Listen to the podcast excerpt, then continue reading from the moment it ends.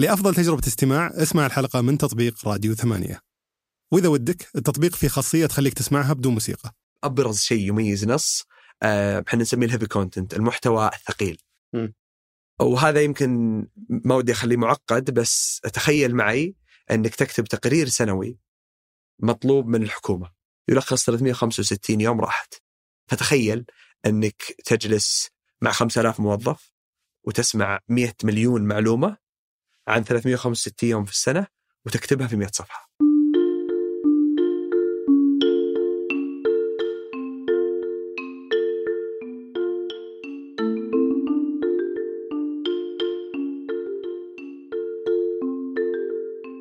يلا حيهم اليوم نستضيف عبد الرحمن البدر الشريك المؤسس والمدير العام لشركة نص. شركة نص تعرفت عليها في 2015 تقريبا. آه، وقتها كانت شركة مثيرة للاهتمام بالنسبة لي. لأنها شركة متخصصة في كتابة المحتوى. فكنت وقتها أقول كيف شركة بس تقدم الخدمة هذه؟ يعني مين- في شركات ممكن تعاقد معها وتقول تعال اكتب لي محتوى؟ أحس الشركات نفسها تقدر آه، تسوي هالشيء. فبنبدأ اليوم مع عبد الرحمن نعرف أول شيء ليش اختار يبدأ شركة في هالمجال. مرة غريب خاصة أنه هو أصلا تخصص محاسبة مثل ما اكتشفت آه، في التسجيل.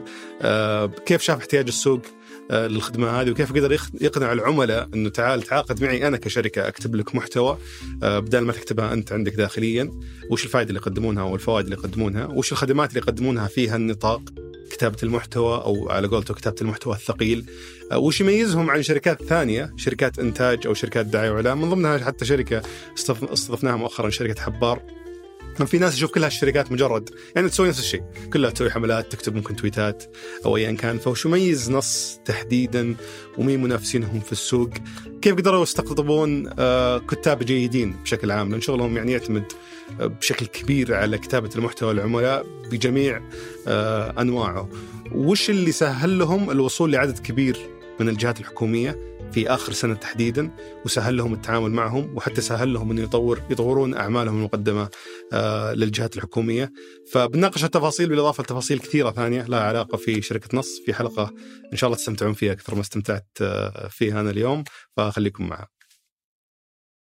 حياك الله عبد الرحمن. أهلا وسهلا هلا مرحبتين سعيد جدا باستضافتك اليوم. حبيبي والله الله ولو إنه يوم كلمتك عن موضوع الاستضافة ذكرتني إني ما أدري أنا متهاوش كنت متهاوش معكم في نص. مو بهوشه بس كان في 50% حولتها و50% ما حولتها بس مسامحين هم عاد. عادي. توني أكتشف. امشي الموضوع لا تنام. لا إحنا نسامح. الناس لا. احولها بعد الحلقة ما عندنا مشكلة. آه لا لا مين مشكلة خلاص. القهوه لذيذه فيكفي يعني كانت المشكلة؟ آه مو مشكلة إحنا كنا مشتغلين معك naming project بس مشروع كلام تسمية. مرة قديم. إي الناس يحسبوني الحين 2016 قاعد. يمكن إي لا لا ما في مشاكل. 2016 إي. أو 2017 غير نسيت. قدمنا ثلاث دفعات. الثلاث دفعات كانت هو كان مرة- مشروع تسمية الظاهر. إي انت كان عندك شركة بتغير اسمها والله فسكه جايكم عشان أسمي اسم المشروع. إيه من زمان عندك سوالف بزنس يعني فواضح إنك ما شاء الله. فكنت بدفع لكم آه، إي دفعتين؟ بتدفع لنا نسيت والله كم المبلغ صراحة. دفعتين ولا؟ دفعتين؟ إي دفعتين. هذه كانت terms أصلا كانت آلية الدفع. فدفعت لنا 50% قدمنا لكم أو قدمنا لك ثلاث دفعات. ولا واحدة. عجبتك. ثلاث دفعات من الأسماء. أي ثلاث دفعات كل دفعة فيها ثلاث خيارات. إيه. تسع أسماء. فقلت لا ما عجبتني قلنا يعطيك العافية.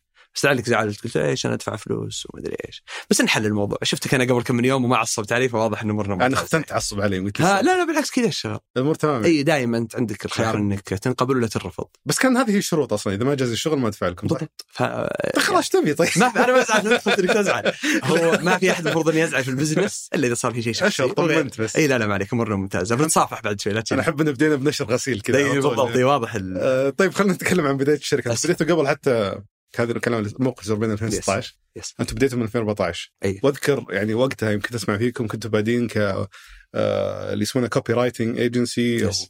اللي هي وكالة آه، كتابة كتاب yes كتابة نصوص إيه. هو إحنا بدينا في نوفمبر 2014 م. أم، كانت الفكرة وكان ال business model عندنا اللي هو كتابة المحتوى وهذا كان نابع من مشكلة حقيقية موجودة في السوق كنا وحنا نمشي في الشارع نشوف أخطاء املائيه كثير تجينا رسائل أنتم الناس اللي يصححون الاخطاء الإملائية وكذا. آه إيه وجروبات واتساب يشتكون مني كثير يعني. okay. آه فكان الموضوع يضايق آه مع العلم إن تخصصي مو لغه عربيه. لكن كتخصص محاسبة. أيوه. ما لي أي علاقة إي. هذا ال twist اللي ف... ما. إي بالضبط. بس إني أنا. أصلا أشتغل في صناعة المحتوى من 2010 يمكن 2009 كنت ونجيها تسوي؟ بعد شوي.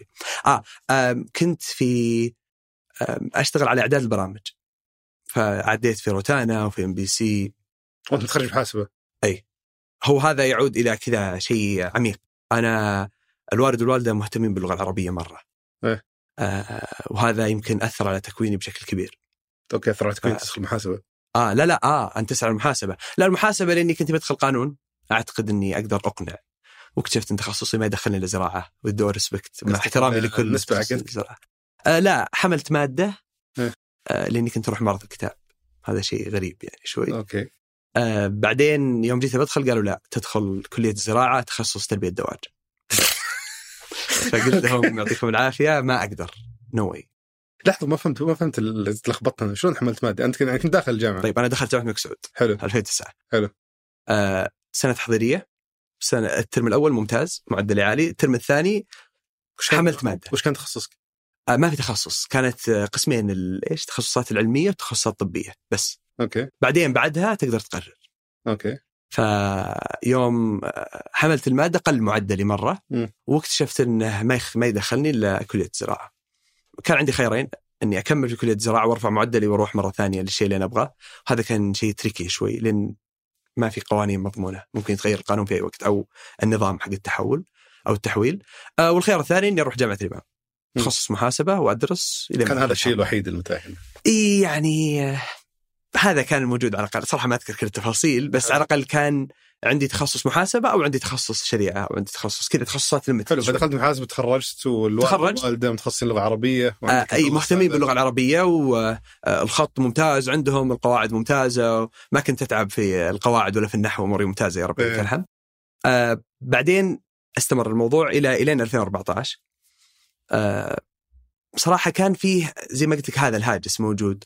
وأنا بالمصادفة وأنا جاي قبل شوي قاعد أسمع لقاء قد سويناه مع بي بي سي. مم. 2014 قاعد تحضر بعد ما سوينا إيه شيء زي كذا يعني. أنا كنت بقول لك السؤال هذا قد سالتني بس حسيت شكلي رخيص يعني. okay أه سالونا ليش أنتم سويتوا نص؟ قلنا لهم لأن فيه فقر في المحتوى العربي وكانت كلمة كبيرة مرة فقر في المحتوى العربي بعدين اكتشفت مع الوقت إلا والله في فقر في المحتوى العربي م. فنعود لسالفة أه وشلون بدينا؟ يس بدينا نوفمبر شركة كتابة محتوى نوفمبر 2014 نوفمبر 2014 حلو. آه بعدين تطور كيف كيف. عرفت إنه كان في طلب يعني على ال... آه هو حنا آه، يمكن هذا ينقل لنقطة ثانية آه كل واحد من الشركاء كان يشتغل في مجال معين في آه صناعة المحتوى صح التسمية حلو. فأنا كنت في إعداد البرامج كنت أكتب أشياء بسيطة يا إما في المدرسة يا إما في الجامعة. كانت أشياء ما هي بفلوس مجانا. خصوصا في المدرسة والجامعة والأنشطة الثانية. آه فيه محمد الموسى. محمد الموسى هو مقدم أصلا آه، مؤتمرات وفعاليات. بالإضافة إلى أنه مهتم أصلا بالكتابة وب آه، بنوعيات آه، بنوعية معينة من الكتابة. في محمد العتيق، محمد العتيق شاعر أصلا. وهذا مسار مرة مهم من المحتوى بس الأهم من ذلك إنه كان عنده ال creative content المحتوى الإبداعي، يقدر يكتب لك آه، شعار تسويقي، يقدر يكتب لك تويتة مرة حلوة وجذابة ويقدر. وفي انس الثنيان، آه، انس الثنيان كان المحتوى عنده آه، على شقين، محتوى ما ودي أسميه الخواطر بس المحتوى الأدبي ولا الشاعري. زائد عنده المحتوى الثاني المحتوى الرسمي. آه علاقات شخصية فيما بيننا. كيف كيف عرفتوا بعض باستراحه ولا أنا أعرف أنس آه، عن طريق صديق مشترك لأن واجدين أربعة كذا يحيي أي. انكم في استراحة واحدة أي. لا والله ما؟ بعد جمعتنا استراحة واحدة إلى الحين. آه أنس اعرفه عن طريق صديق مشترك. وعتيق أعرفه عن طريق النت تويتر وقبلها فيسبوك ومنتديات ومحمد الموسى عرفني عليه محمد العتيق وفي قصة بتصير كذا مرة حقت رواد أعمال إيه. حنا أنا وأنس كان عندنا نية إن إحنا نفتح شركة للمحتوى. ومحمد العتيق ومحمد الموسى كان عندهم نفس النية. آه، كشركتين يعني. إي صدفة في واحد من المقاهي في التخصصي. كنا مجتمعين بغير بغير ميعاد. أنا وأنس ومحمد ومحمد. تقابلنا أوه وش عندكم؟ والله واحد اثنين ثلاثة. طيب واي نت؟ ليش ما نشتغل سوا؟ حلو. وحنا ما نعرف بعض. يعني أنا ما أعرف محمد الموسى إلا ذاك اليوم. طبعا تطور الموضوع ورحنا للاسم ورحنا لسالفه بس, ليش قررت تروح معنا؟ كان يمديك تبدي شركة أنت وخويك؟ صح بس لأن شاركونا آه 50 إحنا إحنا بدينا كشركاء آم، بدينا كشركاء أربعة بعدين تحولنا إلى شركة وتغيرت آه، وتغير الموضوع لأكثر من من نقطة وسبب آه، بس آه، كان كل واحد عنده النقطة اللي تفيدنا. محمد الموسى ما شاء الله عنده الكونكشن والعلاقات شيء جميل مرة وأفادنا كثير. ولا زال يفيدنا. آم، انس الثنيان كان تخصص مالية أصلا فكان يفيدنا شوي في الجوانب المالية. زائد هو كان عنده جلد على الكتابة بشكل مستمر. محمد العتيق عنده اطلاع بشكل أو بآخر على عالم ال agencies. يعرف TTB. ويعرف كم واحد من الشباب فيعني إلا ما يفيدنا إلا ما يعطينا insights إلا ما يعطينا معلومات تفيدنا. آه، وأنا وعد من كلمة أنا يمكن آه، كان كنت أحرص إني كان عندي ال follow up والمتابعة كان عندي المحاسبه مم. فاجتمعت إرادة ال algorithm الأطراف الأربعة على إن إحنا نسوي الشيء هذا وزي ما أنت عارف في startups كل واحد يسوي كل شيء ما. كان في role واضح طبعا كان في CEO كان في الرئيس التنفيذي كان في المدير العام كان في مدير المشاريع أربعة. كان في الإدارة المالية إحنا أربعة أنا كان عندي access كان عندي صلاحية وصول على خمس إيميلات. ال HR وال finance وال accounting وإدارة المشاريع ونسيت والله وش الخامس. فبكلم الشباب في المالية وبرجع لك الشباب في المالية أرسل في جروب يا عيال مشهور ما طاع يحول الدفعه الثانية عادي ولا لا؟ مثلا واضح بتدلني في الموضوع. آه، okay. فهذا يمكن هو هو السبب اللي خلانا نبدأ نص. آه إن كان فيه gap كان فيه فراغ فعلا في المحتوى. وتصور تقاسمتوا ال- ال- ال- الحصص قلت خلاص. أي 25 25 25 25 آه بس خليني بقول لك أصلا ال gap هذا من اللي كان مالي.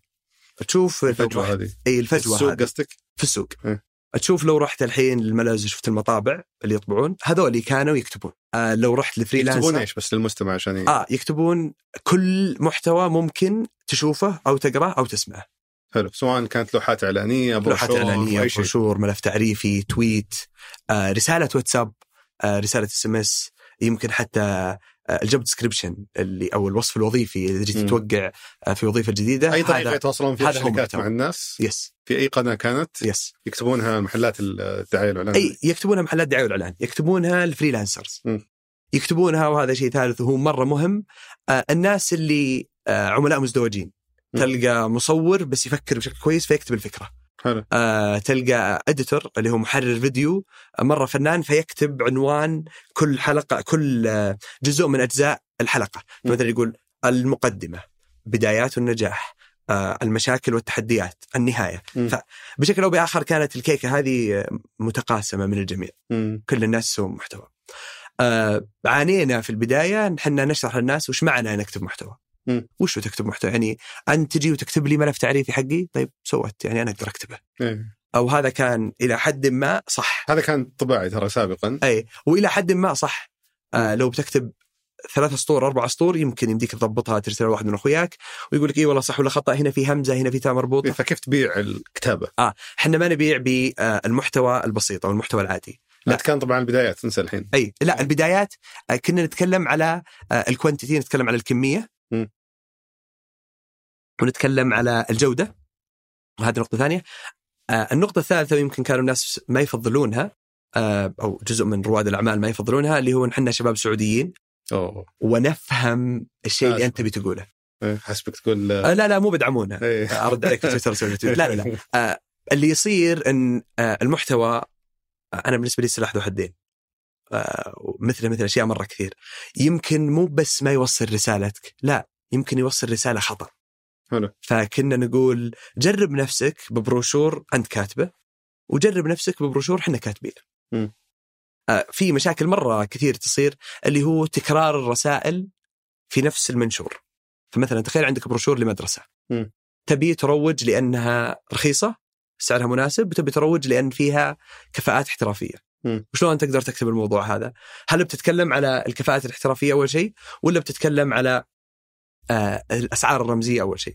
هذا سؤال عشان ما يصير فيه تكرار في الرسائل. شيء ثاني أحيانا نفس المحتوى الواحد يصير فيه 15 رسالة. تحس إنك ما فهمت ولا شيء رايح. ممكن هذه بس عشان نوضح النقطة أكثر ممكن أي. إنه إذا أنت بتروج المدرسة فيها كفاءات احترافية وأسعار رمزية مثلا مم. ممكن لو قلت إحنا الأرخص يقولون يمكن جماعة فيها كفاءات بالضبط ممكن تقول إحنا أفضل كفاءات يقولون هذا غالية مرة يس فشلون. تقدر تقول للناس أنا عندي كفاءات ممتازة تناسبك والأسعار حقتها أيضا مناسبة وممتازة. آه طبعا هذا مثال بسيط مرة آه بس آه يمكن كانت ال- المسارات الأساسية عندنا ابتداء في المحتوى آه اللي هي كتابة المحتوى ترجمة المحتوى تدقيق المحتوى حلو. أي شيء أبعد من إني أرسل لك ملف وورد أو ملف بيجز ماك أنا ما أسوي والتسعير كيف كان؟ آه التسعير إحنا جينا لأرض خام كان فيه كذا تجربتين ثلاث قبلنا في السوق آه وكان صعب مرة إنك تسعر م. إذا بعت وأقتنع إنه يعطيك معلومات عشان تكتب بناء عليها شلون بتقنع انه يعطيك فلوس م. فصرنا يا إما ندخل في تحالف مع أحد ندخل في إيه مثلا نتحالف مع ايجنسي مع وكالة حق التصميم. فنقول شوفوا صمموا الإعلانات حقت الشوارع وحنا بنكتب المحتوى حقها. حلو. أو صمموا التقرير السنوي وحنا بنكتب المحتوى حقه. هذا كان خيار. الخيار الثاني إن إحنا نجي نقول لمشهور تكفى. نبي نشتغل معك خلينا نكتب لك صفحتين وحنا ما عندنا مشكلة إحنا نخلص. هذا ما استمر الموضوع يا رب لك الحمد لله ستة شهور يمكن أو تسعة شهور. شلون يعني تاخذون شيء رمزي ولا ما تاخذون شيء؟ أحيانا ما ناخذ ولا شيء لمجرد إحنا بنشتغل أبي أضيف ناس في قائمة العملاء عندي. حلو. آه وهذا ما استمر يا رب لك الحمد الا ستة أو تسعة شهور ثم انطلقنا. فتتصور كان. وقتها التكامل هو أفضل حل. التكامل هو أفضل حل يمكن تقدم خدمة بحد ذاتها يمكن ما تشكل قيمة يس إنما تشكل قيمة مع خدمات ثانية. بالضبط. اللي ما تقدمونها حتى أصلاً. الناس اللي ما كنا نقدمها ذاك الوقت. إيه. حتى الناس كانوا إذا جو يحطون السعر يحط لك التصميم ب 5000 والمحتوى 1005 إيش دعوة طيب؟ هذا مهم. يعني مم. أنت بدون محتوى جيد ما تقدر تطلع تصميم مفيد. حلو يمكن بس ما يصير مفيد. بس هل أنتم تحطون كنتوا تحطون السعر ويضاف للعرض حق الشيء؟ أحيانا كذا وأحيانا كذا. إذا إحنا عندنا علاقة ممتازة أو إحنا أقوى أو مساويين لمستوى الإيجنسي أو الوكالة اللي إحنا نشتغل معها نقدر نقول مشهور لو سمحت الله يعافيك لا تحط سعرنا 1005 حطه 3000 مم. إذا أنت أقوى مني ولا أنا باليالله قدرت أشتغل معك؟ لا. كان يجي يقول أنا عندي 1005 تبون يعطيكم العافية ما تبون؟ واجي freelancer. حلو. ابى أجيب عامل حر وهو اللي يكتب لي. سالفة التسعير آه، مع الوقت بدينا نقدر آه، أو قدرنا نبني آه، ال rate card أو قائمة التسعير حقتنا بنيناها على ثلاث عوامل أساسية. أول شيء كمية ونوع المخرج. م. ف100 صفحة يفرق عن 10 صفحات. وال100 صفحة هذه وش هي؟ هل هي تقرير سنوي بيطلع لكل الناس ولا ملف تعريفي بيرسل جوا الشركة عشان الناس يعرفون وش الشركة م. ولا سي في هذا العامل الأول العامل الثاني الوقت هل لكن تستخدمون أفراد يعني ولا؟ لا لا لا لا لا أي بس أحيانا يجيني معالي ولا رئيس تنفيذي ويقول أنا أبغى أسوي كتيب عني وعن انجازاتي آه، عشان أقدم فيه على الجهة الفلانية مم. فتحتاج إنك تحشد كل الجهود الموجودة عندك وتكتب له سي في بس بشكل آه، متطور سيرة ذاتية بس بشكل متطور شوي مم. هذا هو العامل الأول العامل الثاني آه، اللي هو آه، قديش المحتوى معقد فإذا أنا أبغى أكتب محتوى قانوني عسكري يفرق عن لو بكتب محتوى عن القهوة مم. هذا مهم وهذا مهم بس هناك بحتاج إني أفهم الجانب القانوني من الموضوع والجانب العسكري من الموضوع ثم نبدا أكتب لأن هي مرحلة مطولة. بينما مع القهوة لا يحتاج إني اجلس مع خطوة جمل يعلموني شلون يسوون القهوة وأقدر أكتب مباشرة. حلو. آه هذا هو العامل الثاني. العامل الثالث الوقت. آه الوقت آه هل أنا بضطر إني أنام في المكتب عشان أخلص لك؟ ولا لا عندي ثلاث أربع أيام أقدر أشتغل فيها ولا متى ما خلصت خلصت. أنا ماني مستعجل على الموضوع. م. آه أساسا شلون كنا نحط السعر؟ كنا نجرب. نعطيك 100 ريال وافقت خير وبركة. نعطي عبد الرحمن 150 وافق خير وبركة. نعطي محمد 300 وهكذا نبدأ نرفع نجلس. تستشعرون وين إي. بس يمكن كان في شيء مرة مهم عندنا اللي هو إني أبغى أشتغل مع شركة مدرجة في سوق الأسهم ولا أشتغل مع startup توه بادي عندي نفس السعر. okay. لأني أنا مؤمن إن السوق صغير. فيمكن الرئيس التنفيذي للشركة المدرجة في سوق الأسهم يقابل ولد أخوه اللي عنده startup ويقول اشتغلت مع نص. بكم سووا لك والله ب 10000 يا أخي أنا سووا لي ب 100000 شلون مستغليني؟ فيمكن هذه كانت واحدة من أهم الأشياء آه، اللي كنا مركزين عليها. وما كان صراحة فيه آه، يعني على قولتهم اعتراض على السعر مم. كان في اعتراض على الفكرة. الواحد إذا اقتنع إنك شخص مهم بالنسبة له بيدفع بس شلون تقنعه وأنت ما عندك عملاء إي، بس أنت ما تشوف ال- الشركة ال- ال- يعني الشركة مثلا شركة شركة مدرجة في سوق الأسهم خلينا نقول شركة كبيرة. آه هذه غالبا التعامل معها بيكون أعقد من الشركة الصغيرة بيكون في أطراف أكثر بيكون ممكن الدف- الدفع يتأخر بشكل أكثر بسبب الإجراءات الموجوده فيه. فطبيعيا تبدأ يبدأ يزيد السعر اللي تعطيه. أكثر من الشركة الناشئة اللي ممكن بعد ما تخلص الشغل وأنت عنده في المكتب يعطيك يحاسبك بشكل كامل. أو يسحب عليك يعني حسب الشركة الناشئة. لا أنا أتفق معك في أنه قد يكون الشغل معقد. مم. طبعا في البدايات أكيد الشغل معقد لأنك أنت يحتاج تفهم أكثر هم وش اللي يحتاجونه. آه ويحتاج تجهز نفسك شلون بتنفذه. وهذه بنجيها لاحقا. آه بس لا آه أنا بالنسبة لي يمكن قد يكون الشركة المدرجة في سوق الأسهم آه أو الهيئة أو الوزارة بالعكس هم يعرفون إيش يبون بالضبط فبيعطونك الشغل خلصه وعطناه. بينما startup بيتدخل في كل شيء. ليش حطيت بواسطة ليش ما حطيت عن طريق. آه ثم ليش حطيت فاصلة منقوطة؟ ليش حطيت هنا bold ليش؟ ف وعلى الصعيد وعلى الجانب الثاني ممكن حتى هذا يصير اللي هو إنه آه، يمكن هذوليك يصيرون centralized مركزيين مرة فمدير التواصل المؤسسي في الشركة الفلانية ينشب لك على الألف وينشب لك على السطر الواحد. آه، فما فيه كذا سمة عامة ل- آه، للشركات أو للعملاء. آه، بس أعتقد أنه إذا قدرت تفهم العميل وش يحتاج وقدرت تدير العلاقة معه وهذا يمكن أهم شيء في حياة آه، الناس اللي يشتغلون في الايجنسيز أفترض إنك آه، ستنجو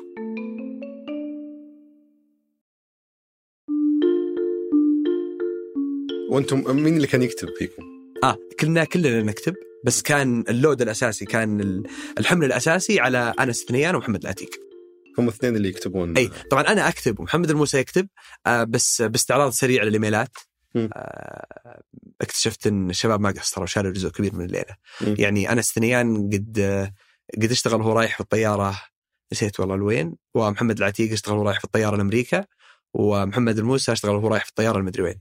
كانت حقيقة موعد تسليم بعد 12 ساعة ورحلاتهم كانت كلها طويلة.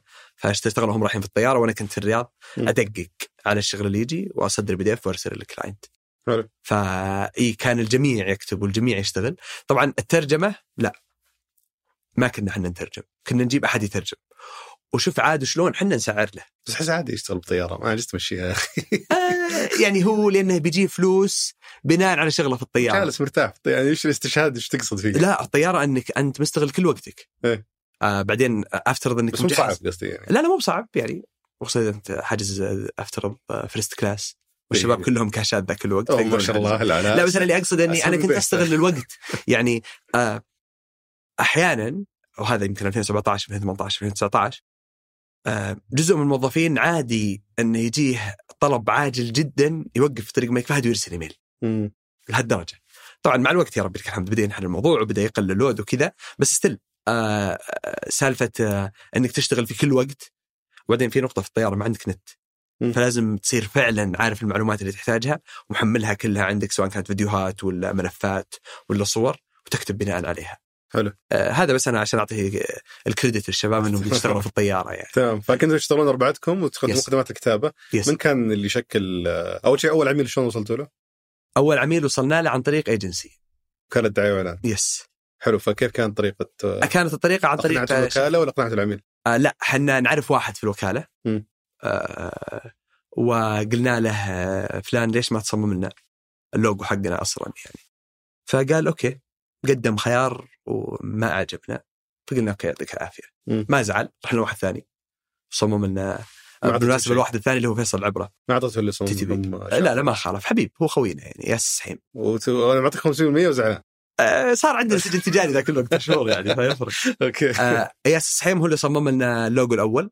أو هو اللي سعينا معه في تصميم اللوجو الأول إذا ما خانت الذاكرة. بعدين رحنا لفيصل العبره فيصل العبره TTB آه وصمم لنا. كان آه، اسمكم نص من البداية. نص من البداية. طبعا كان في أكثر من اسم. كان فيه ضاد كان فيه إلخ كان فيه كذا أسماء كثير مرة. مم. كان التصويت كله واتساب. ثانية اسمها همزه بعد. آه همزه اشتغلنا معهم. okay. همزه كذا هذه قصة هامشية. أنا وأنس الثنيان اشتغلنا مع نوف إبراهيم في همزه آه، اشتغلنا معها على مشروع واحد ثم فتحنا نص. آه فنوف إبراهيم تقول دائما أنتم عيالي وأنتم آه، خرجتم من رحم همزة. أوكي. وأنا دائما أقول لها إن الهمزة جزء من النص فما يفرق يعني الله،. يمشي الموضوع يعني. إحنا نبيع على بعض. خلونا يعني. أذكر على فكرة أحد ال... يمكن الم- المعاناة اللي في البداية مع الاسم إن الناس ما يقرونه كنص يقرون نص. إي. ما ما فكرت فيها ما تحس فيها تناقض مع. مع الشغل اللي تسوونه أساسا؟ آه آه بالعربي واضح. نص وحتى الشعار حقنا فيه فتحة وفي شدة. في فتحة على النون وفي شدة على. شركه تقدم خدمة كتابة ما جاء في بالك الشيء ذا إنه؟ إلا بس كان الموضوع آه، شيء إيجابي ما هو بسلبي. ليش؟ آه، لأن أنت نص ما في شيء معبر عن المحتوى مثل النص. مم. فعشان كذا حتى وأنت تتكلم وأنت تناقش وأنت ترسل يمكن تقول عدل النص وارسل لي إياه. ولا تقول يا أخي بس النص يفرق. لا قصدي إنه يقرأ كنص. آه في فتحة. لا في الواتساب وكذا. آه آه، شخصيا ما أرسل نص بدون ما أحط فتحة وشدة. فما تشيل هم وش أنا ما يكتبون الناس البعض آه يعني في النهاية إذا صار الاسم معروف ما يفرق. آه بس اللي واجهنا فيها مشكلة مو مشكلة بس تناقشنا فيها كثير بالإنجليزي. آه. N U S S ولا N A S S ولا N O بالحين أنا رسيته على N U صح؟ N U بس N U نص.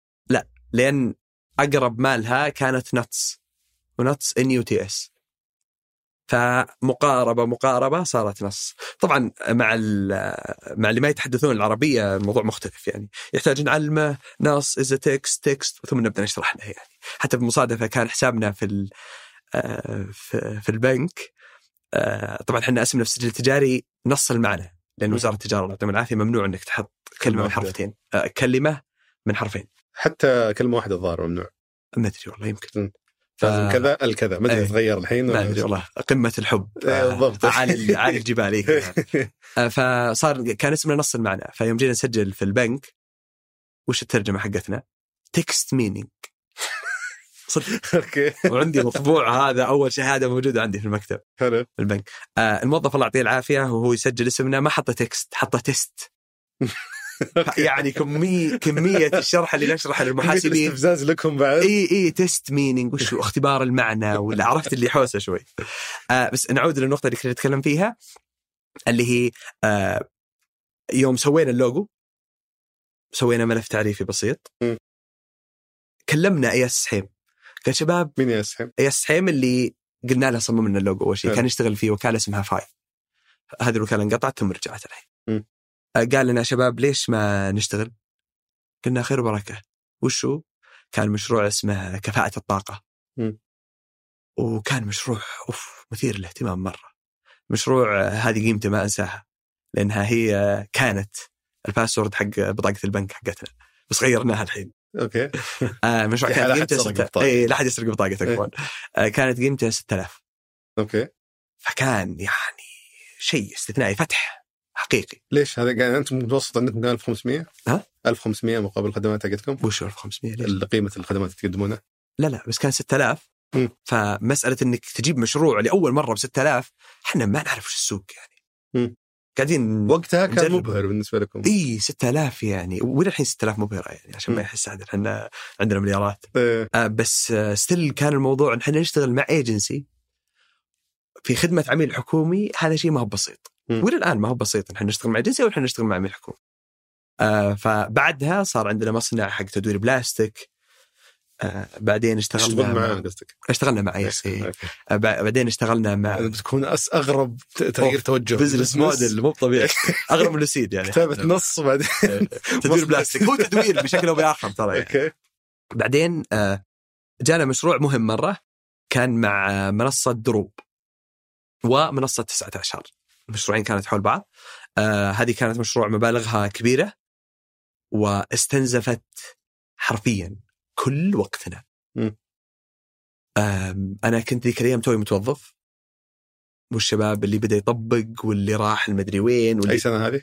هذه 2015 حلو. آه، March أو فبراير 2015 حلو. أنا توظفت في 2015 شهر أربعة.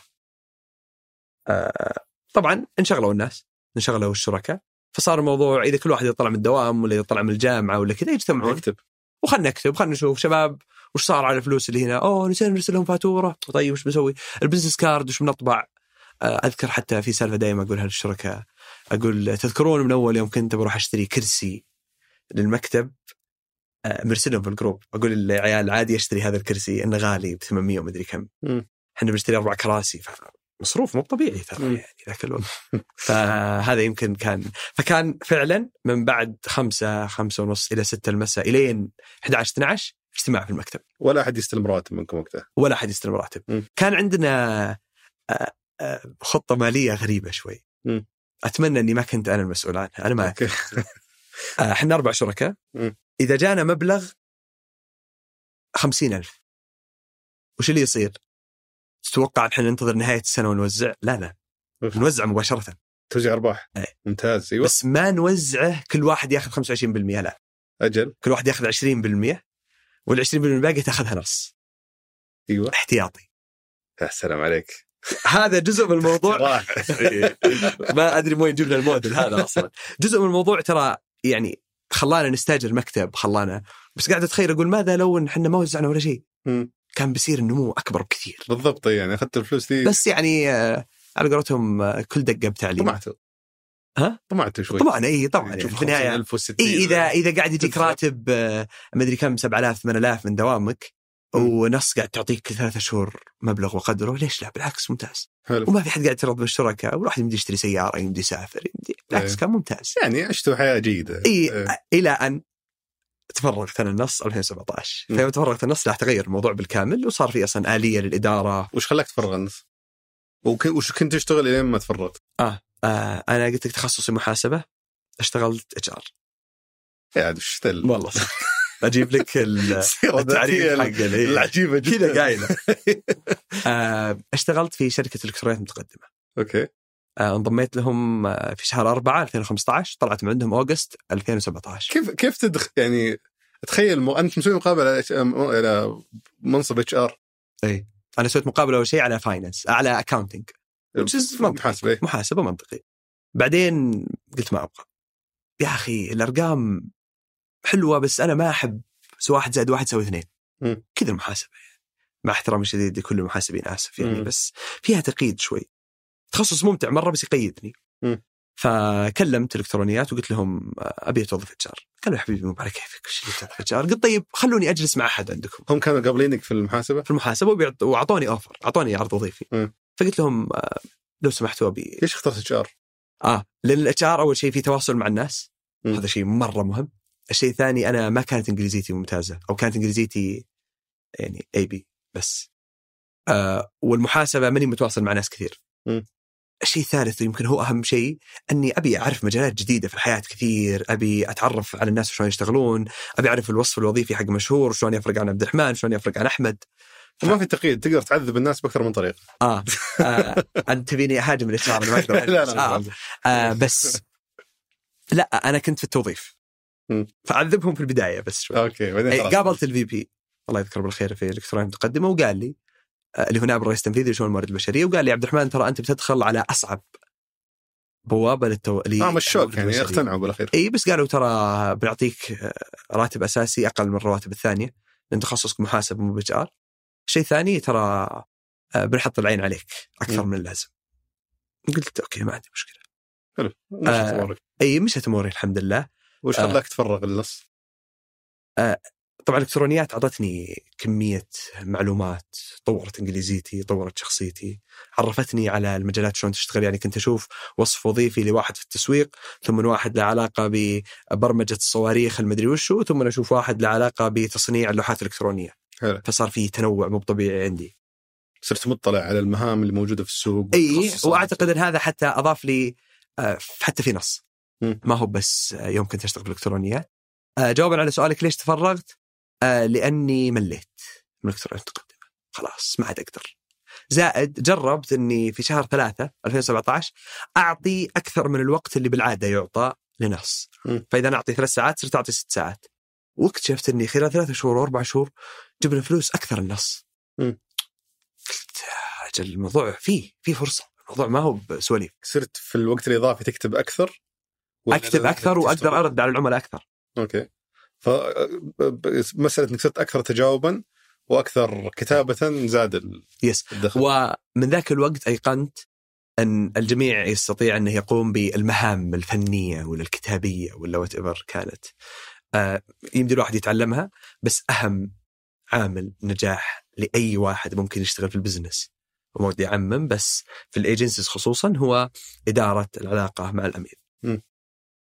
آه، أول كنا إذا بنحضر اجتماع أدق على محمد أدق على محمد أدق على انس بالله يمديك تحضر. يا أخي أنا ما أقدر نحطوا لي مقابلة أنا مم. فيوم تفرغت وما انسى أول يوم لي في نص.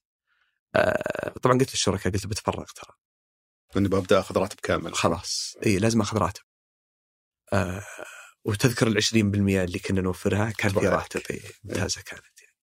آه فقلت لهم آه، أنا بتفرغ وخلاص ويعني على بركة الله. قالوا بالعكس. شيء ممتاز. طبعا ذاك الوقت بدأوا الشباب يتوظفون.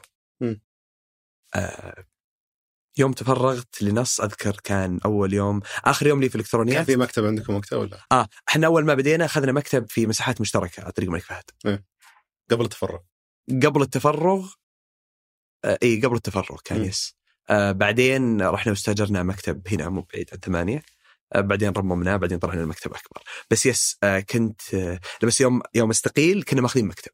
حلو. يوم أجي النص آخر يوم لي في الإلكترونيات كان 15 August. 16 August آه أو August أذكر. هذاك اليوم طلعت من البيت ورحت إلكتروني ورحت للنص. فتحت لابتوبي سويت قهوة. بس ما هي بقهوة لذيذة زي هذه. ثاني مرة امدح آه بعدين قلت يا الله وش التصرف الغبي اللي أنا سويته؟ امم اعرف الشعور ذا أنا طالع من الإلكترونيات المتقدمة أرباحها بمئات الملايين ولا مليارات. وشركة مدعومة ولها علاقة بالمجال العسكري وإذا قلت لأبوي ولا إذا قلت لخالي ولا إذا قلت لخوي إني اشتغل في الكترونيات متقدمة فشوف الطيران الخاص أوه يعرفونها. نص. من نص أصلا؟ وش تسوون؟ وش الاسم غريب أصلا؟ إيه، فيعني كان هذاك اليوم يوم سيء جدا. تخوف اللحظة شيء- كذا اللحظة اللي يعني. بعد ما اللي بعد ما تقول خلاص بطلع ويتحمسون الناس ومدري شو ما شاء الله بتفرغ بعدين بعدين يهدى كذا الموضوع وتقعد قدام اللابتوب. تواجه الحقيقة. اي اللي أوكي لحظة. إيه. ما في شيء يحميني الحين. إي مع ان مع إن صراحة كان كل شيء محفز. مم. بس still انك هناك ما تشيل هم يوم 25 ينزل لك الراتب. إيه. أحس ربحت الشركة 100 مليار ولا ربحت ريال؟ إلا إذا أنا عقدك طبعا. إيه. ما كان له داعي إني أحمل نفسي وإني أحاول أن أنجو بنفسي وبمن يت- سيتوظفون عندي و و- كان الموضوع بسيط. ما كان في موظفين لا. وقتها؟ بس ذاك الوقت كنت المدير العام. الله أكبر. في آه، حالك آه انت بالضبط. إيه. آه طبعا من ذاك الوقت بديت آه ما أبي أسميها أرسي دعائم بس بديت خلاص أشوف وش الأشياء اللي يحتاج أركز عليها وأركز. مم. فركزت على خطة مالية وبرجع لها، ركزت على أن في ناس يتوظفون عندي. ركزت على ترتيب المهام والأولويات. الخطة المالية الواحد ما يتوظف عندي إلا إذا صار راتبه حق 12 شهر قدام عندي. واجد واجد مرة. بس أنا ما أعرف وش السوق السوق فيه ups and downs فيه ارتفاعات وانخفاضات مرة كثير آه في شهر تدخل آه x في الشهر اللي عقبه تدخل 100 x. ثلاثة شهور عقبه ما تدخلوا كم كان عندك عميل؟ آم، ك retainer كعقد إيه. كان في عميل واحد آه أوكي إيه. ففي آه. مخاطرة عالية جدا مخاطرة عالية حد جداً. اي أصلا يعني وهذا اعتذار أقدم على الهواء آه ما قلت لأهلي إني استقلت الا بعدها بشهر أوكي يمكن أمي كانت تدري يعني بس بس أبوي ما قلت له خاف يهاوشني بس آه، إي أنا ما قلت لهم إني استقلت الا بعدها بشهر فهذا الجانب المالي التخطيط المالي وإلى الآن طبعا الآن ما هو بست شهور ما هو ب 12 شهر ست شهور. مم. إذا وقع الواحد العرض الوظيفي معناها ان عندي راتبه حق ست شهور minimum حلو. اللي عندي فصل في في ال- في الحسابات. هذا هذا الجانب الأول. آه، الجانب الثاني آه، ترتيب المهام والأولويات. آه، كان يضيع الوقت ثلاث أسابيع في هل نكتب كذا ولا نكتب كذا في موقعنا الإلكتروني. مم. حسابنا في تويتر هل نخليه dot sa ولا underscore sa. خلاص الموضوع أنا عندي الأكسس الله يعطيكم العافية وما قصرتوا وكانوا دائما داعمين الشباب دائما دائما وإلى الآن آه اللي هو رتبت أولوياتي صرت أنجز الأشياء اللي لازم أنجزها الحين والأشياء اللي مي بضرورية أو مي مهمة ما يحتاج. يعني كان مرة مهم إني أجيب ماكينه قهوة بس مرة مو بمهم إني أحط لوحة برا لأني أروح أجتمع مع الناس برا. عرفت؟ آه هذا يعني هو يعتمد على وجهه وجهة نظر بلدية برضه يعني آه يعني خليني ما أدخل في الموضوع هذا امسيهم بالخير جميعا عشان ما أوكي آه لا كنا حاطين لوحة. عشان ما يرجع يتفرج إيه. فجأة مخالفة كذا إيه. 2017 2014 أدفع آه لا بس ما كنا حاطين لوحة حلوة. آه فهذا الشيء الثاني اللي ركزت عليه الشيء الثالث اللي هو آه إني أبدأ أشوف أحد يصير معي. آه أحتاج ثيم يشتغل معك بدوام كامل بدوام كامل. آه آه، بديت أرتب الناس اللي كنا نشتغل معهم. طبعا آه، من 2014 إلين 2017 آه، كان في أوقات ضغط كثيرة مرة. فوش كنا نسوي؟ كان عندنا إيميل WT @nas.sa writing team @nas.sa كنا محمد الموسى ينزل في السناب شات حقه يا شباب إذا في أحد بنات إذا في أحد مهتم يكتب ارسلوا على الإيميل هذا. فتجي كل ال CVs. وأبدأ أفرغ وأفلتر مشهور عاد هو يعني ها إي ما شاء الله يعني هو مم. آه، كان كان ولا زال والله الله يعطيه العافية يعطينا access ممتاز. آه، فكنا نفرغ وكان عندنا استعنا بخدمات آه، واحدة من البنات بحيث إنها تكون مشرفة فريق الكتابة مع أنس الثنيان ذاك الوقت. كم كان هدفك توظف في أول سنة؟ ما وظفنا إحنا. أنا أنا يوم تفرغت إلين شهر ديسمبر ما وظفت. بس لا بعد بعد التفرغ. إي بس هذا قبل آه، كان عندنا freelancers كتاب مستقلين. كتاب مستقلين نرفع السماعة عليه مشهور تقدر؟ لا ما أقدر. عبد الرحمن تقدر؟ لا ما أقدر. نكلم 10 رقم 11 يقدر. فصرنا نحط رقم 11 أول واحد نكلمه دايم. ونمت علاقتنا معهم بشكل مرة ممتاز. آه ما كان في target آه إني أوظف. كان على حسب الضغط أوظف. حلو وهذا أعاقب. توظف تعطي مبلغ مقطوع مقابل الشغل اللي بيسوي له المشروع تحديدا صح؟ آه لا ما وظفنا كثير آه، شيء per project آه على المشروع. م. كنا نوظف عقد full time لمدة سنة أو آه part time لمدة سنة. يا أما دوام كامل سنة أو دوام جزئي يعني كان في في بيكون في شغل مضمون على الأقل الشخص هذا قد أي. ثاني قدام. أو لو ما في شغل مضمون فعلى الأقل عندي إذا راتب 10000 عندي 120000 في حسابي أقدر أحولها له كل شهر حتى لو صكيت آه المشاريع اللي موجودة عندي. آه توظف معي أول آه موظف آه كان في بس كان في قبل ما باش على الموظف؟ كان كان في دخل كافي من الشركات إنه يكون عندك راتب 12 شهر قدام أو هذا من من الشركة ضخوا فلوس لا لا لا إحنا رأس مالنا كان 450 ريال. أوكي. سجل تجاري 400 فراتب السنة ذا من وين جاء؟ من ال 20% اللي كنا نوفرها قبل. إيه رجعتوها يعني؟ آه كانت آه. متكدسة يعني إي, أي هو 20% واحد اثنين ثلاثة أربعة وخمسة نص. أوكي. فكان تتراكم. فإذا إحنا ناخذ كل مشروع فلوس ما يحتاج نوزع نهاية السنة تتوزع كل شوي عرفت؟ إيه فاهم عليك. اي فيس كان في المبلغ هذا. توظف معي أول آه، موظف طلال السليمي ولا زال موجود معنا إلى الآن. آه، طبعا مقابله طلال السليمي آه، قابلوه كل الشركاء. الله أكبر يا. تخيل إنك تروح توظف في ارامكو ويقابلونك نفس الإدارة كلهم قابلوه كل الشركاء. ليش؟ طبعا طلال السليمي صديق. ويعرفونه جزء من الشباب بس ستيل ما ما ندري هل هو فعلا شخص مناسب ولا لا. م. هو ما يدري حتى هل هو شخص مناسب ولا لا. آه توظف طلال كان آه إذا ماني بواهم آه مدير التشغيل. م. أو مدير المشاريع والله إني ناسي.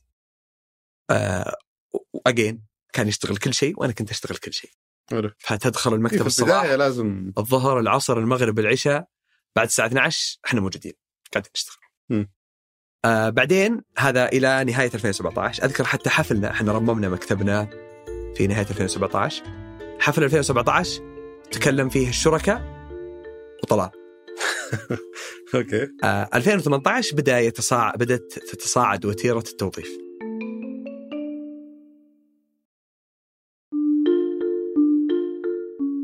اتصور برضو مع تصاعد الإقبال عليكم. أي مع تصاعد أو مع تغير نوع المشاريع. صار عندنا مشاريع أطول وبالتالي مبلغها أعلى.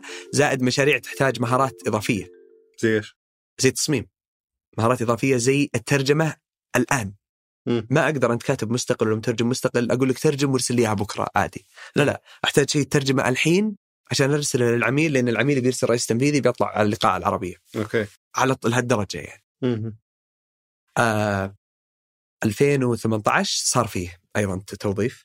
آه فنوعتوا حتى الخدمات اللي تقدمونها. yes آه خليني أقول لك 2018 و2019 بدأ آه يتشكل ان صحت التسمية ال business model الحالي. نموذج العمل. سوينا له shaping صح التسمية. م. آه حددنا ال business model بشكل واضح. آه باختصار صار ال business model هو نموذج العمل بس خلينا نموذج. آه يس آه آسف. نموذج العمل صار آه وكالة صناعة محتوى. طبعا في السجل التجاري اسمنا شركة نص المعنى للدعاية والإعلان. آه وش اللي يفرق؟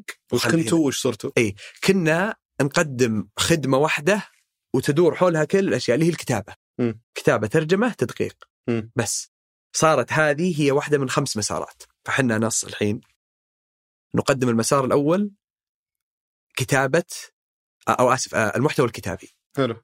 هذا فيه خمس وظائف كتابة وترجمة وتدقيق وتحرير وإعادة صياغة. هذا مسار واحد. بالمناسبة كان هذا المسار هو اللي نشتغل عليه قبل كله المسار الثاني الحملات الإبداعية.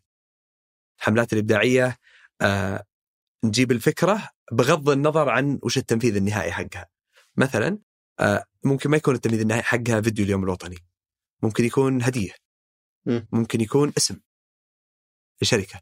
ممكن يكون آه فكرة فعالية. آه ممكن يكون اسم لخمس مبادرات في وزارة الاتصالات. م. فهذا هو الحم... آه، الحملات أو الأفكار الإبداعية، المسار الثالث آه، حسابات وسائل التواصل الاجتماعي. إدارتها. وإدارتها أضفنا عليها آه، يمكن أهم شيء عندنا اللي هو سالفة آه، إطار المحتوى ال content framework. هذا هو الملف اللي يحول لك الاستراتيجية حق التواصل الحلوه مره إلى tweet استراتيجية مرة حلوة يوقعون عليها وتاخذ عليها شهادة إنجاز وتاخذ فلوسك. أوكي. بس إذا جاء الكاتب وخذها يبي يكتب عليها تغريدة يقدر ولا لا؟ هنا التحدي بس هنا ممكن نشرح أكثر للناس الحين أنت إطار المحتوى هذا وش أي. وش يفيدك بالضبط؟ طيب آه ال content framework إطار المحتوى هو باختصار تحويل الرسائل التواصلية أو الأهداف الاستراتيجية الاتصالية إلى حقت شركة معينة حقت شركة معينة وحقت. مثلا يعني خلينا ناخذ مثال ك- كلمة ثقيلة الرسائل. الاتصاليه المؤسسية تحس آه مشروع آه مع الهيئة السعودية للسياحة آه عندنا مشروع معهم روح السعودية إدارة حسابات وسائل التواصل الاجتماعي في روح السعودية م. آسف آه لي روح السعودية آه عندهم استراتيجية تواصلية ممتازة مرة وتوصل الأهداف اللي هم يبونها مبنية بناء على الأهداف اللي هم يبون يتواصلون فيها ترويج السياحة داخليا محليا اقليميا دوليا زيادة مبيعات blah blah blah في أشياء مرة كثير آه هذه الاستراتيجية خلينا نقول إنها 50 صفحة م. السؤال هو إذا جيت بعطي مشهورة بيان الكاتب وش أقول له يكتب عنه؟ م. لازم أسوي شيء اسمه content calendar أو تقويم المحتوى أو آه ملف فيه محاور محتوى إطار المحتوى وين راح؟ الحين م. هذا الملف ما أقدر أسويه له إلين ما آخذ كل ال 50 صفحة ولا ال 100 صفحة هذه وأحولها إلى one slide إلى صفحة واحدة. فيه هذا اللي هو إطار المحتوى هذا هو إطار المحتوى وش فيه إطار المحتوى؟ إطار المحتوى فيه آه المسارات الأساسية فمثلا عندي ال destinations المحطات. عندي الفعاليات عندي البرامج عندي العروض عندي آه المناسبات الموسمية. هذا للسياحة مثلا. إيه. هذا ال main streams أو آه المسارات الأساسية. بعدين عندي ال sub streams. يجي كذا المسارات الفرعية. بالطول اللي هو بالضبط المسارات الفرعية. آه نتكلم على الرياض جدة الدمام الطايف أبها الباحة. م. طيب. إذا التقى المسار الأساسي بالمسار الفرعي يلتقون عند تنمية المجتمع المحلي م. تنمية المجتمع المحلي هو محور أبى أكتب عنه لمدة شهر كامل م. فأروح وأقول تنمية المجتمع المحلي اقتصاديا تنمية المجتمع بس المحلي فهمت كيف يلتقون إذا التقى مثلا الفعاليات مع الرياض يصير بالضبط. فعاليات الرياض إيش؟ فعاليات الرياض كم عندي من فعالية في الرياض أقدر أكتب عنها في ال social media حلو. عندي شيء لا منتهي فهذه هذه ال- الإطار يساعد كاتب المحتوى إنه يطلع بأفكار المحتوى حقه يكتب عنها yes وتكون متناسقة مع رسائل المنظمة هذه yes. وأهدافها وللأمانة يساعدنا مرة. في إن إحنا ناخذ ال approval ناخذ الاعتماد من العميل بسرعة. نقول استراتيجية حلوة؟ على الأشياء اللي تكتبونها على التغريدات. yes yes طبعا آه، إحنا إذا كتبنا التغريدة مكتوبة بناء على محور. أنت المفروض تعمد لي المحور والتغريدة موضوعها بسيط بس خليني أعيد صياغتها عشان. أتأكد إني فاهم yes، yes. الموضوع بشكل جيد ولا لا. أنت عندك كل شركة يكون لها استراتيجية؟ yes في رسائل معينة تبغى توصلها استراتيجية. تواصلية. استراتيجية تواصلية. yes أنت تبغى توصل رسائل معينة للناس أه. صحيح؟ فأنت عشان تقدر تكتب محتوى مناسب يخدم الاستراتيجية هذه وأهداف الشركة yes تسوي إطار المحتوى. صح. إطار المحتوى هذا ينظم الاستراتيجية هذه في slide واحد. yes وش الأشياء أو المحاور اللي تقدر تغطيها اللي تقدر تكتب عنها. yes اجمالا. فتأخذ موافقة على الإطار عشان تأكد إنه أي شيء بتكتبه داخل هالإطار بيكون إن شاء الله ماشي صح. يا سلام عليك. ما راح يكون في مشكلة. طبعا في شيء يصير آه محور عام مرة زي مثلا ال third parties مثلا آه الأطراف آه الثالثة ذات العلاقة. م. أي شيء يطلع في الإعلام عن السياحة. طلع خبر طلع إعلان طلع تصريح طلعت آه تنبيه طلع قرار حكومي. هذا موجود في box في خانة آه ناخذها ونحطها في sheet نرسلها للشباب حق المحتوى نقول طلع قرار بفتح الفيزا من جديد. خلاص هذا هذا الموضوع يمشي كذا. بس اجمالا أي شيء داخل المحاور هذه يقدر يكتب عنه؟ yes أي شيء خارجها يعرف إنه ما راح يخدم استراتيجية ال- الجهة أو الشركة م. وبالتالي المفروض ما يضيع وقت. يا سلام. حلو ولو بغى لو اكتشف إن في demand في حاجة كبيرة نحن نتكلم عن الموضوع هذا عادي إنه يقول ليش ما نضيف ال content framework إطار المحتوى هذا المحور ولا هذا الموضوع بس أنتم تطلبون تعميد على إطار المحتوى اولا yes عشان تأكدون إنكم ماشيين صح اجمالا yes وحتى ال client لو قال لا لا ما يحتاج إطار محتوى نقول okay إحنا طيب. بنسوي يحتاج يحتاج إيه. آه، حتى لو قال لا ولا ما عندنا وقت ولا whatever إحنا لازم نسويه داخليا. لأن آه، هذا يمكن حتى شيء تفصيلي آه، ودي أرجع الخدمات بعدين بشرحه بس على السريع آه، مدير المشروع مع الكاتب أو مع مدير المحتوى أو مع كبير الكتاب أو مع أي أحد في المحتوى آه، لازم يصير في بينهم نقاش مم. ليش أنت كاتب كذا؟ آه المفروض إحنا ما نتطرق لكذا، يعني مثلا هل نروج للرياض ولا لموسم الرياض ولا لمطعم إكس في موسم الرياض؟ م. ولا للحم البلدي اللي موجود في المطعم كلها حلو. صح فعلى عشان ما يضيع وقتك ككاتب وعشان ما يضيع وقتي كمدير مشروع عشان ما نتأخر على العميل نقول تعال تعالوا إلى كلمة سواء بيننا وبينكم خلينا. نتفق ترى المفروض إحنا ما نجيب طاري اللحوم البلدية ليش؟ لأن هذا ما يخدم توجه العميل السياحة وش دخلنا في؟ خارج إطار المحتوى هذا شلون؟ يعني هذا خارج الاطار المحتوى اللي هذا خارج إطار المحتوى اللي إحنا متفقين فيه فعشان كذا هو ما هو بس مفيد لنا مع العميل مفيد لنا حتى داخليا حتى عشان نقيم المحتوى اللي عندنا. مم. نقلل التعديلات أكيد مع العميل. أنت بتقلل احتمال تبي تقلل المساحة المتوفرة الآراء الشخصية والاجتهادات. آه اللي- مع إنها مستحيل تنتهي. إي بس ما تبي واحد يجي يتفلسف يقول لا يا أخي اللحوم حسب خبرتي أهم شيء. شيء زي والناس يحبون اللحوم. شيء زي كذا. لا لحظة هذه vegetarian آخر شيء نباتي. بس عليه كل شيء. فأنت تبغى تتأكد إنه تحاول تكون في المعايير واضحة جدا. وتترجم احتياجات الجهة على أساس كل الناس يلتزمون فيه في قصة قد صارت لنا كذا شطحة شوي آه وهذه صدق قد اشتغلنا مع واحد من العملاء على مشروع branding على مشروع آه تصميم هوية مم. أو هوية وسوينا له ثلاث دفعات كل دفعة فيها ثلاث خيارات يوم رحنا الثالث دفعة شفناها معه قال معليش هذا اللون وش هو؟ قلت م- مثلا هذا أخضر. قال أها وهذا وش هو؟ قلت هذا أصفر مثلا وهذا وش؟ هذا أحمر؟ قلت دقيقة ليش أنت انت بتشوف؟ قال لا والله أنا فيني عمى ألوان. أوكي. فقاعد يقيم شعارات شيء بصري في عمى ألوان. فعشان ما يجي- ما يجيني واحد نباتي ويقيم لي لحوم إحنا نحاول إحنا يكون عندنا هذا إطار المحتوى. آه، نعود بس لمسارات الخدمات اللي شكلت نموذج العمل. قلنا إدارة حسابات مواقع التواصل الاجتماعي. آه، الرابعة شيء كذا متخصص شوي اللي هو إدارة محتوى الفعاليات. إدارة محتوى الفعاليات آه، يمكن الجميع يعرف مبادرة مستقبل الاستثمار مم. الجميع يعرف آه، فعالية إطلاق الميزانية آه، اشتغلنا طبعا على كل المشروعين آه، ل FII اللي هي مبادرة مستقبل الاستثمار اشتغلنا عليها ثلاث سنوات والميزانية اشتغلنا آه، عليها سنتين صارت مؤخرا آه إي. لا بس آه آخر مرة ما اشتغل عليها okay. اشتغل عليها ثلاث مرات اللي قبلها. والميزانية أيضا اللي صارت آه مؤخرا ما اشتغلنا عليها بس اشتغلنا على 2020 و2021 الشاهد في الموضوع أن آه في عندك ما قبل الايفنت ما قبل الفعالية أو الحدث وأثناء الفعالية أو الحدث وما بعد الفعالية أو الحدث. باختصار خلينا نفترض إن ثمانية عندها آه إطلاق آه لواحد من منتجاتها الجديدة. بلا شك أن مشهور وعبد الرحمن وخالد وأحمد بيلقون كلمات. بلا شك أن حساب ثمانية بيغرد.